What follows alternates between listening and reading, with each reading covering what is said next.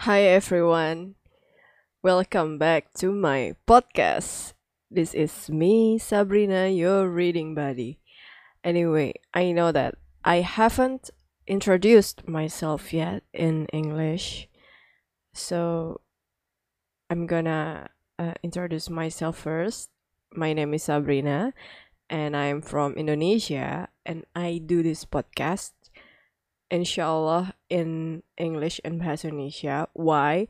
Because um recently I checked the analytics status for my podcast and um I have recorded one episode in English and surprisingly it was listened by many people out there. So I assume maybe I have gained listeners from abroad.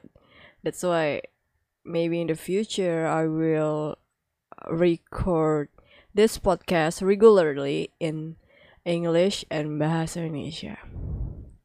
Anyway, um I am a student now and I don't have basic knowledge about literature. I'm just a reader for leisure.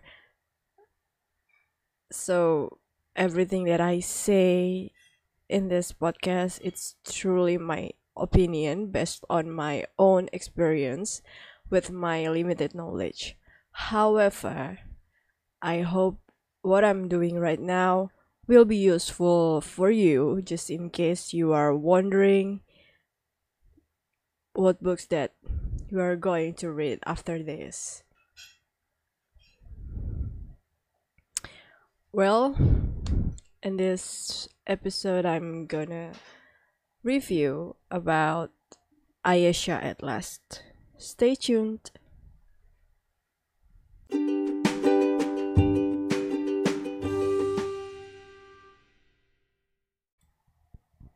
So, Ayesha at last is written by Uzma Jalaluddin.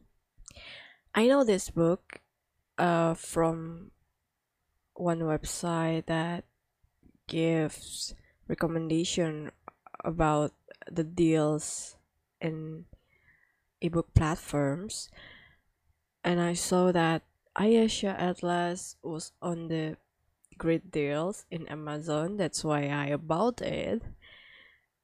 And when I read the reviews in the goodreads.com it said that this book is a modern version of Pride and Prejudice. That's why I am interested in the first place with this book. And then the story itself is about Ayesha, a 27 years old Muslim woman that lives in Canada. She has a stable job already graduated from university, has a loving family, but she has no lover in her in her life. And the story goes about the romance in Ayesha's life and how she met the love of her life, how her relations with her relatives and all. You know, the premise of this book is promising. However, I experienced a little bit struggle to finish this book due to its writing style. You know, since our main character here is 27 years old woman I expected this book would be written with adult style, like a usually adult book. But to me, the writing style of this book is a little bit like a teen lit. The way the author describes the situations, the characters, I felt like it's it's for younger readers, not for adults. Yeah, that's my opinion and um for me the writing style is not my cup of tea. Despite the writing style, there are many things that made me continue to finish this book until the end because the issues that were brought up by the author interest me a lot, such as about Islamic family, about arranged marriage, about Indian culture, and also about racism. Those issues that I mentioned give me a new insight that I never thought before. For example, about racism. Since I'm living in Indonesia, the country with the largest Muslims, largest number of Muslims, I mean, um, I never experienced racism before. But one of the character of this book, who called Khalid, he experienced racism in his office because he refused to give a handshake to his colleague. And I never thought that refusing a handshake due to our principles about our religion could lead into another problems and it was such a big deal.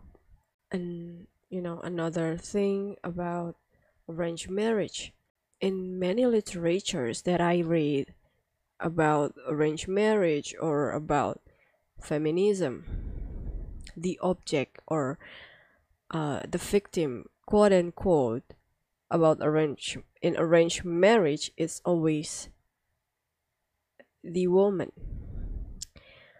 But in this book, Khalid is the one who experienced the arranged marriage and turned out arranged marriage could hurt men too. People tend to forget that men have feelings too, men have emotions too, and it's such an eye opener for me, to be honest. I never thought about arranged marriage from the men's sides before. Lastly, I want to comment about the label of this book, a modern version of Pride and Prejudice, which I disagree. Why? Although I found similar fragments between this book and Pride and Prejudice. For example, Ayesha resembles Elizabeth Bennet and Khalid resembles Mr. Darcy, but the essence of the story is totally different. Pride and Prejudice talked about marriage in that era. It was a tool to raise social status or as a political statement or to raise financial gain. But in this book, the setting is in modern era.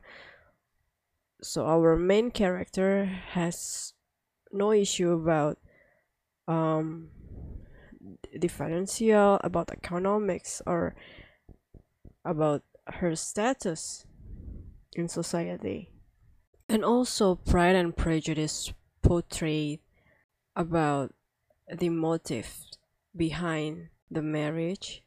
That's why marriage that based on love it's such a privilege and a kind of freedom. But you know, this book is in modern era, so I don't think we can say it a modern version of Pride and Prejudice. However, if you like a romance book, maybe this book is made for you. So, my last verdict about this book well, I experienced a slump in the middle of reading this because, yeah, then again, the writing style is not for me, but you know, um, this is a one sitting book, so if you want to read book in the middle of your busy days or maybe in the weekend um, you can try this book and if you want to experience a bollywood version of the book which is full of drama and endless dramatic events maybe you can try this. I give 3 stars out of 5 for this book in Goodreads because I am impressed by the character here. Khalid is my loved one, and the issues are interesting to me. So, yeah, despite the writing style, uh, I found that this book is sufficiently enjoyable as a light reading, of course.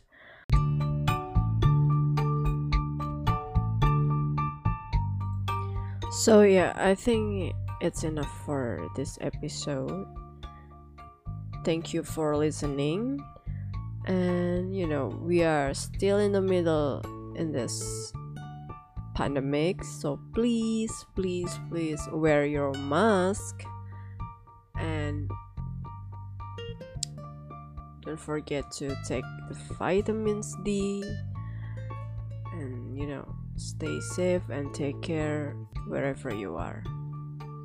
See ya. Bye